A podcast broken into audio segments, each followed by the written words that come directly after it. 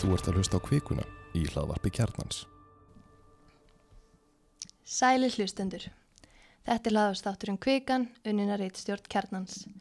Ég heiti Byrðan Stefánstóttir og mun stýra þættinum í dag. Í vörubori Kvikunar í dag er afskaplegur auður ríkustu 10% landsins, mánuðalegin kaupþingsmanna í fyrra sem eru margfjöld áslun hinn íslenska meðalmanns, sókn miðflokksins í könnunum, misvísandi tölur um nöðungarsjölu fastegna og sílækandi stýrivextir sem verðast ekki skila sér til neytenda. Með mér að þessu sinni er Þórðusnar Júliusson, reitstjóri kjarnans. Í nýjum tölum hagstofunar um eignur og skuldi landsmanna kemur fram að ríkusti 10% landsmanna, rómlega 22.000 fjölskyldir, áttu 58% á öllu eiginfí á Íslandum síðustu áramót. Frá árinu 2010 hefur skráður auði þeirra aukist um 1.379 miljardar króna en allar annar landsmann um 1.800 miljardar króna. Er eignajöfnur á Íslandi sem þetta minga í staðis að aukast líkt að sumir hafa haldið fram, Þorðisnær? Það fyrir eftir hvernig þú horfir á það. Uh, ef þú ert að horfa á hlutfallstölur uh, eins og margir kjósa að gera, þá er eignarjöfnurinn að draga saman. Það er að segja uh, hlutfall eigna hennar ríkustu á Íslandi af hildarauði þjóðarinnar er sífelt að minga. Ef þú horfir á krónurnar að segja hvernig krónuna sem verða til í nýjum auði á hverju ári, hvernig það skiptast þá er alltaf meiri að fer alltaf stór hluti af öllum nýjum auði til þeirra sem setja þarna í efsta læginu eh, vandamálið við þessar tölur sem eru þó samt sem áður besti mæli hvarði sem við höfum um það hvernig eignarskipting er á Íslandi er að það er mæla bara einfallega ekki hvernig eignarskipting er úr Íslandi. Það er að segja að öllu leiti þarna uh, eru undirleikjandi til að mynda einlán, fasteignir og annað slíkt uh, en verðbref sem þeir sem eiga mestar eignir hérna á Íslandi eru með tölun hluta af sínum auði bundin í þau eru metin á nafnverði en ekki uh, ekki á markasverði og það því til dæmis eða með ja, eignaratsfélag uh, og eignaratsfélagið er, uh, er fjárfest fyrir 500.000 krónur til þess að setja það á fót eins og þú þarfst að leggja til þú stofnar eignaratsfélag og svo er það fyllt af alls konar eignum þá er svo eign með metin á 500 úrskall þannig að Veist, þetta er skakt, við erum ekki með almennilegar tölur til þess að mæla þetta og þess vegna er þetta svona, svona skrítið saumaklúpar yfireldi sem verður alltaf hérna á hverju árið þessi tölur byrtar um það hvort að ég stuðast við hlutfallið eða hérna krónutölunar um það hvernig þessi kaka er að skiptast. Uh, ég held að uh, það sé alveg borligjandi að það er að verða til einhver svona super peningastjætt á Íslandi og hún hefur verið að verða til á undanförnum árum og jafnvel kannski núna bara uh, svona sérstaklega á síðustu 15 árum uh, sem í eru aðelar sem svona eru með ja, mjög sterkast Íslandsku vegnamarkaði sérstaklega tengt í sjárótvei uh, eh, ég held að það sé óumflíjanlegt að horfa til þess að, að það er fullt af fólki á Íslandi sem finnst að bera skarðan hlut frá borði þrátt fyrir að hildartölunar síðu allar príðilegar, það er að segja hagvöxtur í, í hækkerfunu, mingandi skuldsetning, meiri rástöðunatekjur hjá hildinni. E, þá er alltaf hópur sem telur sig vera skilin eftir og hérna, við sjáum það til dæmis við höfum ræðið betur eftir þegar við erum að tala um fylgi flokka að, að hérna, svona þeir sem kjósa flokka sem er að ræri í slíkum pottum, þeim er alltaf að fjölga. Einmitt. Þannig að það er ákveðin vísbetting líka. E, þannig að þetta er svona... Uh, við erum ennþá, myndi ég segja að hérna, að eiga þessar uh, samræður á grundvelli tilfinninga frekar en staðrenda vegna þess að hagtölunar okkur eru ekki nægilega góðar. Þar eru, það gefa okkurna vísbettingar og niðurstaðan er bara svo að það sitt ekki saman. Hlutvarslega þá er að draga saman uh, svona hvað, hver tíund á að þessum eftir lægi hlutfall efstu tíundarinnar þetta er tíu bróst ríkastu íslendingana af hildar EIF uh, hún er minni núna en hún var í fyrra og var minni fyrra en hún var árið áður. Skulum samt líka halda því til haga að þessi 10% fóru miklu miklu betur svona, í gegnum hrunið að mörguleiti en flestir aðrir. Það er að segja eignina þeirra heldust mjög miklar þáttur að tóka smá högg á meðan aðrir er mjög stór hópur landsmanna fór í neikvæti í Einmitt. en svo ertu með svona, þú veist, ef við horfum á þetta hinnulegina segja bara, þú veist, hversu margar krónur verða til á hverju ári í, í nýjum eignum eða nýjum auði. Og hvernig skiptist það? Og uh, þá leikur fyrir að, hérna, að þessi 10% ríkustu uh, af þeim nýju miljörðum sem hafa orðið til frá 2010 til dæmis þá hafa tæmlega 1400 farið til þeirra á meðan restin hefur skipt á milli sín 1800 og það segir bara og þetta eru bara eignir á Íslandi eða ekki? Þetta er ekki eignir utan og Ísland svo þetta vantar það líka að, hérna, að Íslendingar eru já, samkvæmt einu útættinni sem hefur verið gerð á því skýslu sem var byrt hérna í byrjun árs 2017 uh, Íslands, Evrópu og Ólipíumets hafa í, í aflandsfélagi sérstaklega með höðatölu og áallega að, að eignir sem hafi verið færðar út úr íslenska hækjarnu og inn í aflandsfélug hér og þar til þess að komast frá skattgreislum eða félagi fyrir kröfuhöfum eða annað slíkt eh, hlaupa hundruðum miljara eh, og eh, það eru ríkustu 10% sem er í því Ég með það er ómögulegt að segja það Já. með fullri vissu en ég held að almenn skinnsemi verði að segja okkur það að þeir sem eru virkastir í uh, svona atvinnleginu, virkastir í eignarhaldi á fyrirtækjum, virkastir í fjármálastarfsemi sem eru þessi hópur, það er að segja ríkustu landsmenn uh, að þeir séu líklegasti til þess að eiga þessa peningar sem eru faldir þarna, sérstaklega vegna þess að þessi þjónust á uppsetningu aflandsfélag sem var í gangi hérna í Íslensku bönkunum fyrir raun og henni var beint mjög að þeim sem áttu peninga. Henni var ekki verið að beina henni af, af, af bensinna agurslumannum eða skúringafólki sko. uh, og spurja hvort að þeir vildu gema 50 skallana sína á tortóla. Þetta var beint að uh, fólki sem átti uh, 20 miljónir eða 20 miljónir eða 100 miljónir og jafnvel miljardar allan á pappir en talandi um miskendingu auðis frá árinu 2016 hafa greiðslu til starfsfólks kaupþings aukist um 1,9 miljard króna en starfsfólkinu sjálfu fækkar frá 2017. Alls námi greiðslu til starfsmannafélagsins rúmlega 3,5 miljardin króna í fyrra. Er einhver skýring að baka þessi ofurlaun kaupþingsmána? Já, já, það er bara, ég meira að takast að rukka vel inn, það er bara stóra skýringin. Eh, Þetta er fyrirleitt fyrir bara í þetta, eh,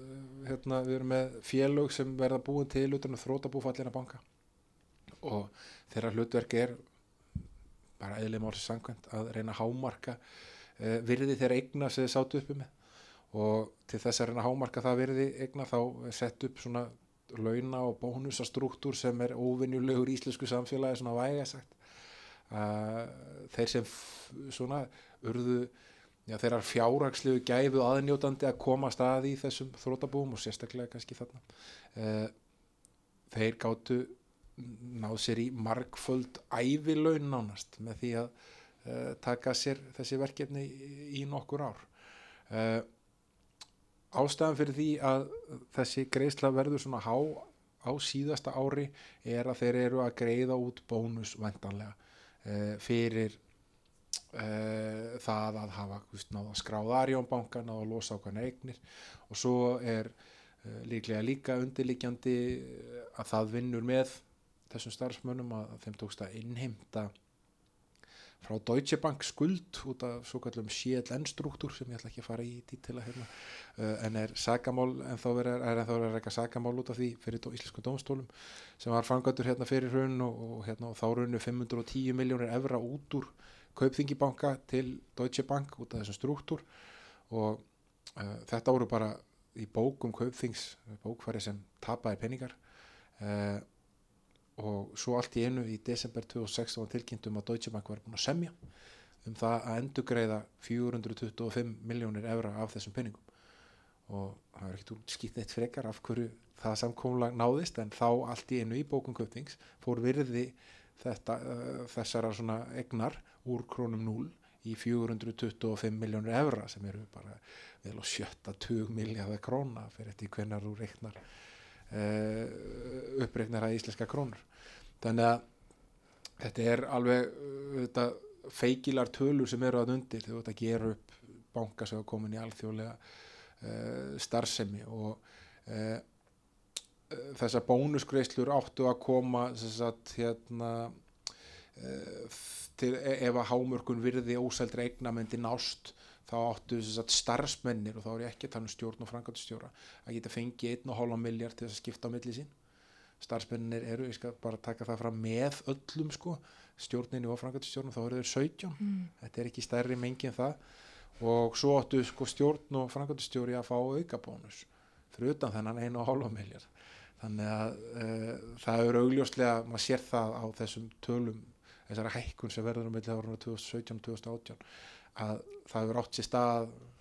væntarlega einhvers konar bónusgreisla vegna hámörkun á virði egna og uh, þetta eru náttúrulega svo svívirðilega háar tölur fyrir alla ístendinga það er segja meðaltal launa. Ef þú tekur bara alla þessar 17 sem voru skráðir þarna þá er þetta 208 miljónir króna ári. 208 miljónir króna ári 17,4 miljónir á mánuði meðalmaður á Íslandi ef þú tekur bara miðgildis launan þú bara myndur horfa á heldarlaun og bara öll laun sko, ef þú veist ekki bara grunnlaun þetta er heldarlaun og þetta finna náungan sem er akkurat í miðjunni á þeim launaskala eh, þá eru hans árslaun tæplega 7,6 miljónir króna. Þannig að hann hefur sko árslaun meðalmannsins eru 44% af mánadarlaunum meðalmánadarlaunum sem voru hjá köpþingi Það er ekki eins og upp í helming. Nei, og hérna nei, nei, nei, nei. og uh, þú veist og þetta er ekki fyrsta árið sem það er, hefur gefið vel að, að vinna hjá þessum, þessum slitasjóðum stundin var með mjög fína úttekt núna í nýleri, nýleri útgáfu hjá sér það sem þeir fóru svona yfir margt að þessu, svo var einstaklega heppilegt fyrir þau hjá Kaupþingi þau skiluðu inn ásætningunum sínum í sumar uh, til uh, fyrirtækiskráður eins og lög gera ráð fyrir og uh, ég var að skoða hann bara í síðustu viku og þá rak ég augun í það að það vantaði uh, fjóra blaðsjur í hann. Og fyrir algjörðu tilvunum voru það blaðsjurnar þar sem launin voru tilgrind en uh, ég gefði það þó ég hafði samband við og þeir sendu mér það um hæl. Þannig að hérna þetta verður vantar uppfært hjá fyrirtækiskrá í samræmi við það. Ok. En ef við förum í næsta máladagskrá, þá kom fram í nýjustu MMR-kunun um fylgi stjórnmálaflokka að miðflokkurinn mælist nú stæst, næst stæsti flokkur landsins. Fylgi flokksins yksta milli mánuða og mælist nú 14,8% en fylgi miðflokksins hefur aldrei mælst meira í kununum MMR. Þóra Snær, hver heldur sér skýringin að því að miðflokkurinn sé auka við þessi fylgi um þessa myndir? Ég held hún geti verið margþætt. Í fyrsta lagi uh, er það mjög algengt í konunum á Íslandi að það komi svona uh, kannanir sem sína tölvera breytingu án þess að sé ykkur sérstakka skýringar kannski fyrir því og það getur einfallega verið vegna þess að akkurat hópurinn sem er verið að spyrja á þeim tíma er einhvern veginn frábúrun hópunum sem að vera að spyrja á undan. Uh, það er ekkit útilokað að það sé eina skýringun að þú bara einfallega þýðið hafi verið þannig að það hefur verið vikta betur miðflokks megin í lífunu en til dæmis pírata megin sem mældust með eitt sitt lægsta fylgi í allan að mjög langa tíma. Uh, en uh, ég nefndi það auðvitað á hann að þetta er ekkit hérna, þetta er þróun sem er að eiga stað mjög víða í heiminum að flokkar sem einblýna dálti á svona, ef maður lefur sér að sletta svona leave behinds, það er að segja fólk sem telur sig að hafa verið skilið eftir af alþjóðavæðingu og, og svona nútímavæðingunni kannski að ykkur leiti uh, sér uh, fyrri tíma daldið í rósröðu ljósi og hérna finnst uh, mannréttinda barallan til dæmis að vera gengin of langt. Það er hérna uh, þetta er sjáum allir með sér Pólandi núna í kostningunum sem voru um helgina að þar var verið að sína heimildamind á, í pólska ríkisjófapunu korteri fyrir kostningar um, um innrás hins einn fólks í pólst samfélag. Og það segir bara, þú veist, að vera að tala um innrás það sýnir aldrei hvernig stemningin er þar, það má alveg yfirfara þetta að einhverju leiti yfir á skoðunni sem margir hafa hérna á Íslandi. Það er að segja þeim fyrst uh, vera gengið of langt á réttindi þeirra til þess að hafa hlutin eins og þau vilja hafa þá uh, bara svo, til, þess einhvern veginn að búa til pláss fyrir aðra hópa sem þeir skil ekki alveg. uh, og ég ætla ekki að setja þetta kannski beint samhengi við mið- miðflokkin svo ég ekki það alveg sérstaklega fram hérna með samkynneið en ég er bara til þess að útskýra eina uh, af þessum uh, breytum. Uh, miðflokkurinn er að svona að tóna sína pólitík mjög vel. Þeir eru uh, vita nákvæmlega við hverja þeir vilja tala og þeim er alveg sama um hvað hinnum finnst um þá. Ég held að það vinni líklega dálítið með þeim á þessari vegferð að þeim svona uh, þetta mun hljóma dálítið skrítið en ég ætla að fá að klára útskýra þetta. Að þeir eru sífælt að lenda í einhvern veginn uh, svona sjálfskapar uh, vítum og e, svona heimalöguðum hnyggslum uh, skilur við Sigmundur Davíð þrátt fyrir að vera ekki eldri maður en þetta er náttúrulega búin að ganga í gegnum ægilegt magna af einhverjum svona hnyggslismálum og vittlisu en, en það sem það, kannski, það sem ég á við er það allir eitthvað eins og klustumálið það ítið þeim lengra í þess, út í þessa hörku. Það er að segja að, að svona þeir sjá að þeir munu ekki eiga neina sérstaklega möguleika það er einhvern veginn að að sækja sér fylgi til meginströmsins og þar að leiðandi einbetaði sér að öllu leiti að tala við fólki sem það telur að geta náð sér í. Og uh, veist, þetta er náttúrulega landsbyggð, við sáum þetta í þegar við vorum með til dæla umfórsmikla umfjöldunum um daginn hérna, hver svona áferðin á kjóstahofnum þeim er, eldra fólk landsbyggð uh, fólk sem tengist landbúnaði. Karlar það ekki frekar en konur? karlar mun frekar en konur. Uh, grunnskólamentur sem aðeins að mentunastig uh, og svo framvegis. Þannig að maður ma geta alveg ímyndið sér að, að hérna svona þegar nærtriðu kostningu sérstaklega þá munum við að fara að sjá í kostningarlofur sem munu snúast að miklu leitum stóraukna framfæslu fyrir eldra fólk uh, alveg og maður séð í, í miða-Európu gerast uh, Ungverjalandi og Pólandi uh, og það verði svona hérna, hlu- hluti af þessari leið sem svona populískir hægri flokkar hafa uh, farið til þess að reyna að kaupa sér atkvæði. Uh, einfallega með því að borga fólki meiri peninga. Og uh, þeir hafa auðvitað, verið með svona and alþjóðlega stefnu sérstaklega varandi Evropasambandið eru að svona halla sér ænær þeirri skoðun að vera á móti eða samlingnum eða minnst að kosti tortryggjan mjög. Og svo er þetta auðvitað alltaf einhvern veginn að, að reyna að stilla öllu upp uh, í baráttuna fyrir fullveldi gegn ásælinni einhver áskilgreinda afla uh, ytri afla sem er að reyna að sækja í Íslands fullveldi. Og þessi svona þessar, þessi strámenn sem eru að tekna upp eru auðvitað annars vegar alþjóðleg samtök uh, og svo hins vegar svona djúbríkið þess að noti farið bara í orðabókar skilgreiningar uh, úr bandarísku stjórnmálum. En, menn þetta er bara að fara að heyrast hérna aftur og aftur á Íslandi að hérna, hér sé eitthvað svona djúbríki embætismanna sem er búið að sölsundi sig alla ákvörðunatöku og það sé svona það sé eftirsóknarvert að, að taka uh, ákvörðunartökuna frá uh, sérfræðingum og öðrum slíkum og færa hana í hendurnar á pólitíkusunum sem eru þeir sem eru kjörnir til þess að taka þessar ákvörðunir þannig að þetta er svona uh, ég held að hérna ég held svona ef ég síði þetta aðeins niður að ég held það sé sannarlega aukin stuðningur við svona stjórnmál. Uh, það er, við erum bara búin að sjá það allstæðar í kringum okkur og við erum búin að tala um það í mörg ár að svona Ísland uh, sé aðeins eftirbátur í því Mhm. að uh, við höfum ekki einhvern veginn verið komin upp kannski að þessu svona kannski 20% af marki eins og uh, er í mörgum löndunum í kringum okkur og jafnvel umfram það en uh, það er ekkit óeðlilegt að við séum að færast ánga ég held að þetta sé líka bara aflenga því að miðflokkurinn spilar betri pólitík en allir aðri stjórnmálflokkar eins og staðan er í dag og Að þeir eru svo afgerandi. já, þeir bara eru í, raunlega ekki kunna að láta stjórnmálinn snúast um sig. Mm. eh, gera það vel og svo stj koma stjórnmálmenn og kvarti við því að, að fjölmilnar fjalli um miðflokkin en ég held að vandamáli liggi nú miklu frekar hjá hennu stjórnmálmennunum sem tekst ekki að gera sig nægilega uh, afgerandi og ég held að þeir séu allt og ofta að spila leik miðflokksins. Uh, og þannig vill þetta miðflokkurinn hafa þetta þeir hérna ef, ef þeir fá að leggja svona fósetundar og, og semja leikarglirnar þá eru þeir hamingisamir sko. og alveg, þeim er alveg sama hvað öðrum finnst um þá vegna þess að þeir vita alveg að, að fólki á kaffehúsunum er ekki að gera ekki að fara að kjósa þá og þeir vita alveg að, að svona efnaðasta fólki á Íslandi er ekki að fara að kjósa þá uh, nema kannski pappa sem þetta skilur en ekkit annað. Þannig að veist þetta er svona líka bara andvaraleysi og maður finnst svona sk- hál hál skrítið andvarleysi sem uh, hefur greipið um sig hjá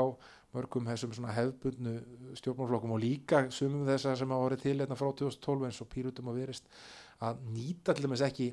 þessar miklu peninga sem, sem stjórnmálflokkarnir skömmtuðu sjálfur sér eftir síðustu kostningar uh, með svona uh, líðræðisleiri réttlætingu að þetta styrkja flokkastar og svoleiðis að uh, fara í sko mikla mikla stefnumótun innan flokkana og láta skína í hver svo stefnumótun er og bjóða upp á svona daldið gott hlaðborð af hugmyndum fyrir fólk að, að, að vega og meta þegar það er ákveða hvað það ætlar að kjósa. Mér finnst bara algjör skortur á þessu. Mér finnst þetta að vera mikið að uh, svona stjórnmálumannum að koma fram og segja uh, já, ég tek ekki marka könnunum þegar við erum bara komin að hálfa leiði gegnum gjörtíðanbil sjá hvað kemur upp á gjörgósunum og svo framvegis. Þetta er kannanir uh, eru ekki endalegu mælikvar, það er rétt en þau eru eins og það er skilabúð uh, kjósenda til flokkana um það hvað þeim finnst um þá vegferð sem þeir rá og hvað eru stattir í dag. Og þeir verða að hlýta þeim skilabúðum með einhverjum hætti, ég er ekki að segja að flokkar er að breyta um stefnu við hverju einstu kunnun en þeir mega uh, sannlega taka til sín ef að yfir lengri tíma það er tölvöld högg á stuðningi við á eða þeir eru ekki að ná þeim markmiðum sem þeir telja að þeir eiga að vera að ná að, hérna, að það sé kannski eitthvað að heima hjá þeim en ekki vera alltaf að benda okkur aðra Nei, en ef við miðum þessu kunnun þá er miðflokkurinn næstæsti flokkurinn. Hvaðan heldur þið sé að taka fylgi á hvaða flokkum? framsöndaflokki og sjálfstæðarflokki Já. uh, kannski að einhverju leiti mögulega gæti eitthvað smitast af pýrutum uh, sko uh, það hefur verið hérna uh, og þetta það er ástæðan kannski líka fyrir það að ég svona er, myndi vilja sjá næstu tvær kannanir líka hjá MMR varðandi þessa fylgisbreytingu og sjá hvernig það myndi koma út vegna þess að uh, þessi svona þrýr frjálslindu miðjuflokkar í stjórnaranstöðu þeir hafa verið með mjög solid svona 36 til 38% fylgi saman. Og fylgisbreytingar uh, hjá þeim hafa, þær hafa flakkað á milli þessar þryggja flokka. Er að segja samfylgingar, pírata og, og veirisnar og núna fór þetta aðeins niður aðeins undir 34% og auðvitað er þetta allt innan skekkjumarka sko, þannig að þetta er ekki hérna, uh, þú veist, þetta er ekki risastórar sveiflur á milli kannana. Uh, þannig að hérna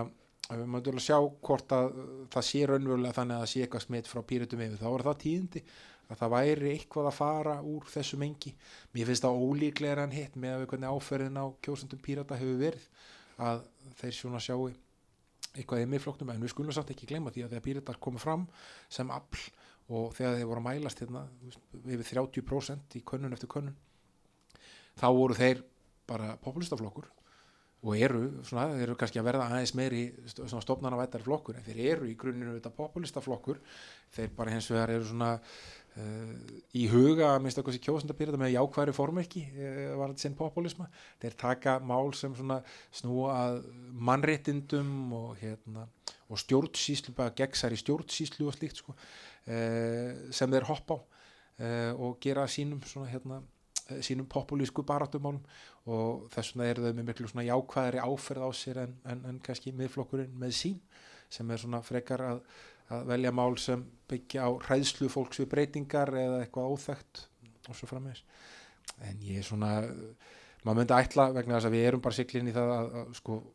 að kostningabaráttan fer alveg að byrja skilur við erum með kostningar hérna í síðasta lagi voru 2021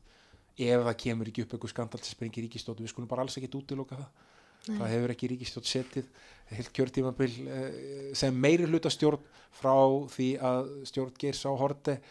eh,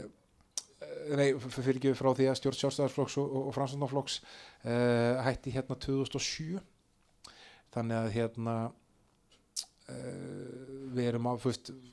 að hérna þú veist, því að vinstistjórninu þetta sem tóku við eftir hrun endaði sem minnhlutastjórn og engin annara sem hefur setið síðan hefur klára heilt kjörtímbil og það gerir sannlega ekki hrunstjórnin heldur. Þannig að þú veist, ég held að uh,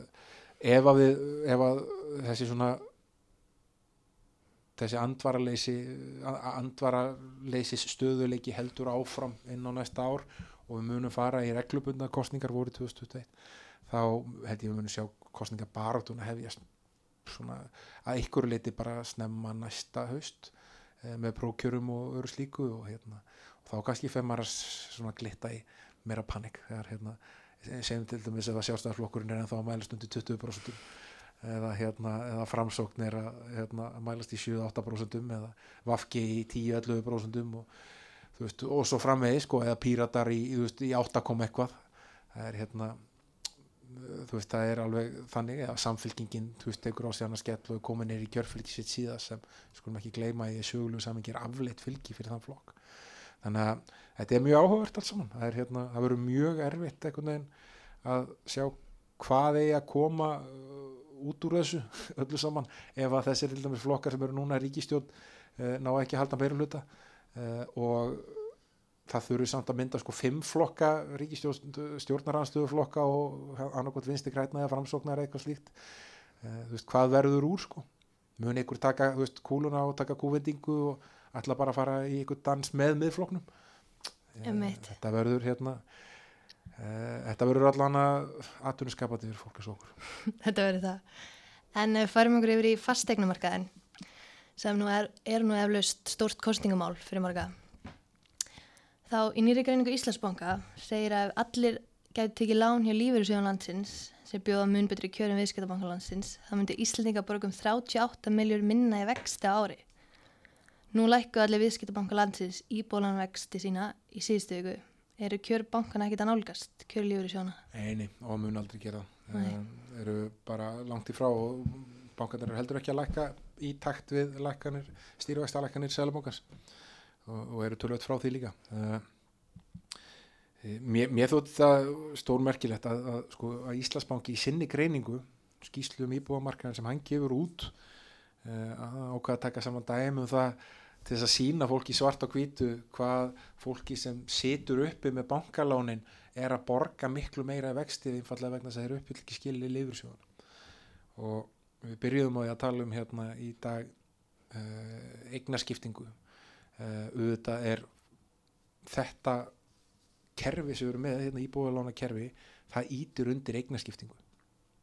það blasir við. Mm. þeir sem eru í ákveðnum lífriðsjóðum uppfylla skilir þeirra til landtöku eiga, eiga eitthvað eigi þeir fá aðgangja miklu ódýrar í landsfí en þeir sem eiga ekkert eða lítið. Og mér sé að þeir veist, og tala ekki um þá sem eru fastir á leikumarka og eru að komast þanga einn sko. Sem eru þó ekki að neitt, er ekki búið til neina sem er 20% landsmanna er tæfla þannig að hérna, e, það, þeir reikni sér niður og það að þetta sé 38 miljardar sem e,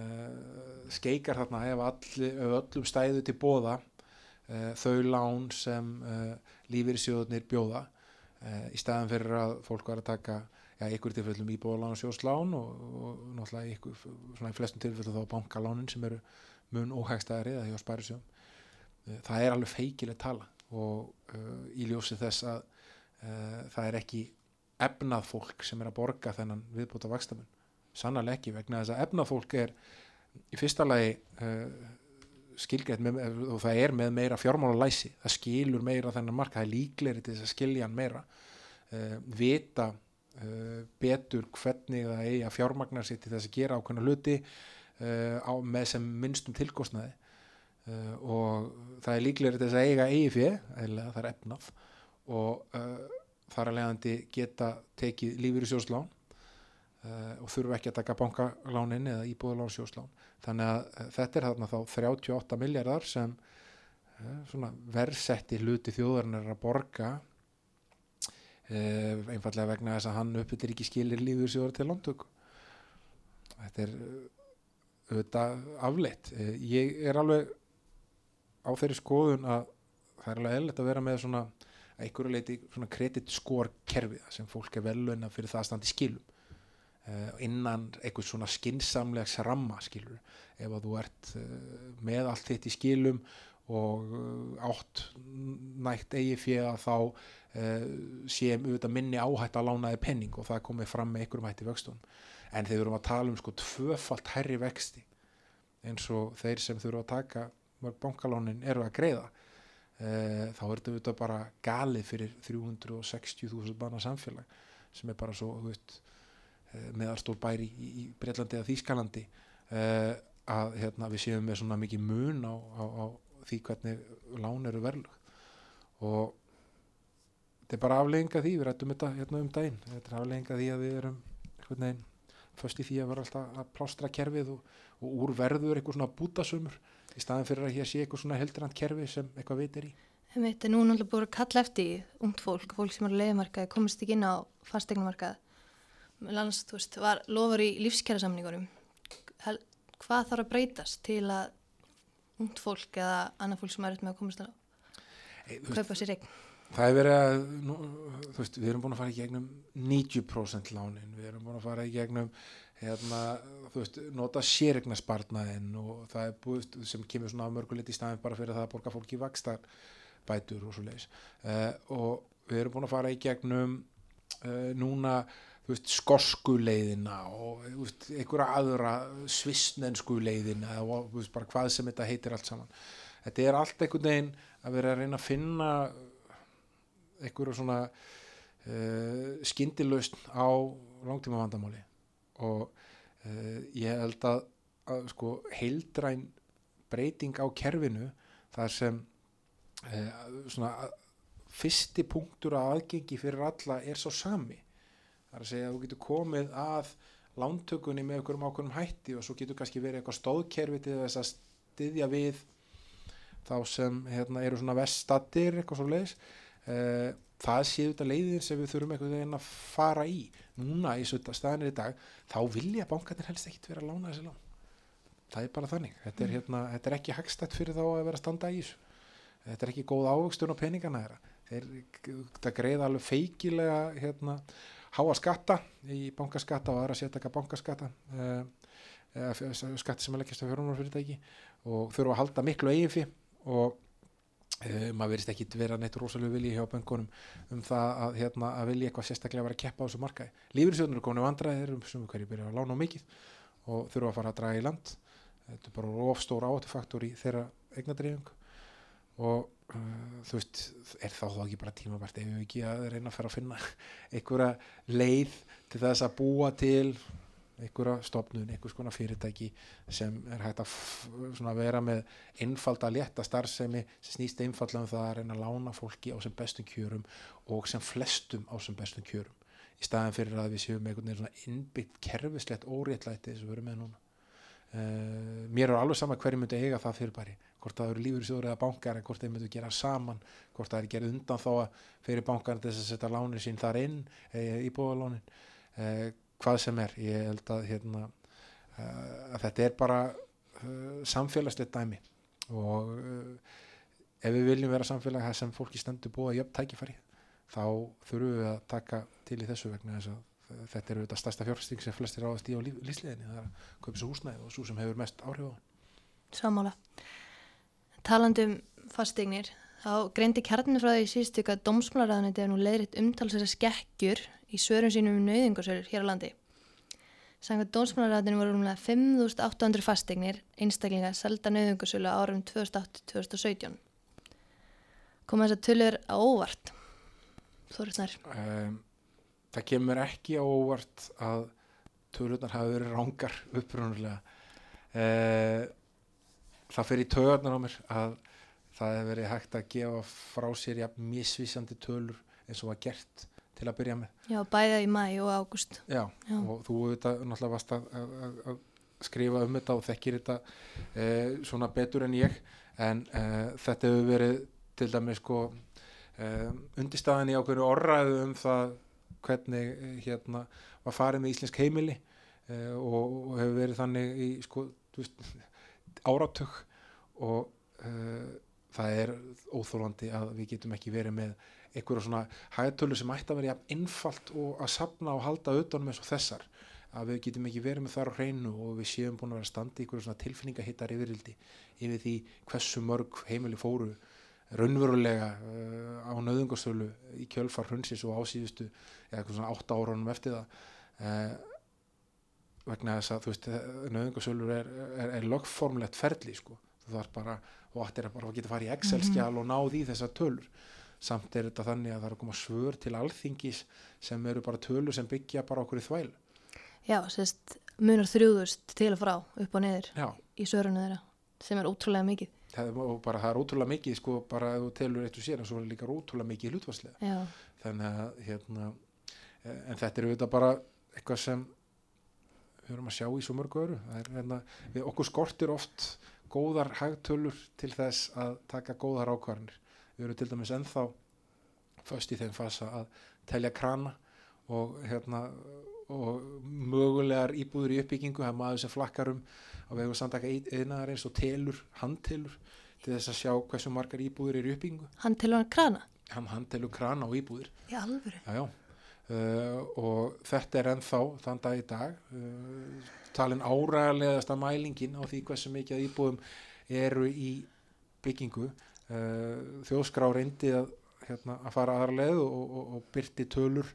einu sinni. Uh, þær tölur uh, voru síðan tilkynning daginn eftir um að þeir myndi ekki byrta þær aftur í bráð og uh, svo fréttin bara fjarlægð af heimasíðu þjóðskrár. Ok. og hérna ótrúlega skrítið vegna þess að það þá allan var talning sem byggði á einhverju sko. Ekki bara já, einhverju manni að keira um og telja krana og, og, og, hérna, og íbúður uh, en þú veist þetta er bara svona enn einn byrtingamyndin á kannski vandamálun okkar. Við erum hérna ofta að rífast um einhverju hluti. Uh, en sleppu því að, að vinna kannski grunnvinnuna sem er það að safna saman að heilu gögnum til þess að geta svona séð myndina hver hún er og síðan þá kannski tekist á um útvæsluna við bara gefum okkur einhverja fórsendur og svo er fólk bara sér einhverju hotni einhvern veginn að rífast um það hvernig það er að lýsa þetta þannig að auðvitað er, er, hérna, er munur á, ég veit ekki hvað eh, veist, 10 eða 15.000 nöðingarsölum og 5.000 og eitthvað. Mm. það er bara greiðalög munur. Og auðvitað er mikill munur á því hvort að það séu 4.000 eða 6.000 íbúðir í uppbyggingu og hvenar það er komin á markaðinni hvað sem er sko, og hvað það þýðir einhvern veginn fyrir mögulega markaðstróun uh, þannig að þú veist það að við séum ekki einhvern veginn ennþá komin með svona hlut á hreinu það er bara, það er eiginlega bara dálítið vandrarlegt með að við hvað við eittum að vera framælega í þessu Freka magnað. En við komumst ekki lengra með kvikumræðnara sinni en verðum hér að vikuleginni að skilja kjarnan frá hauspunni. Verðið sæl þanga til.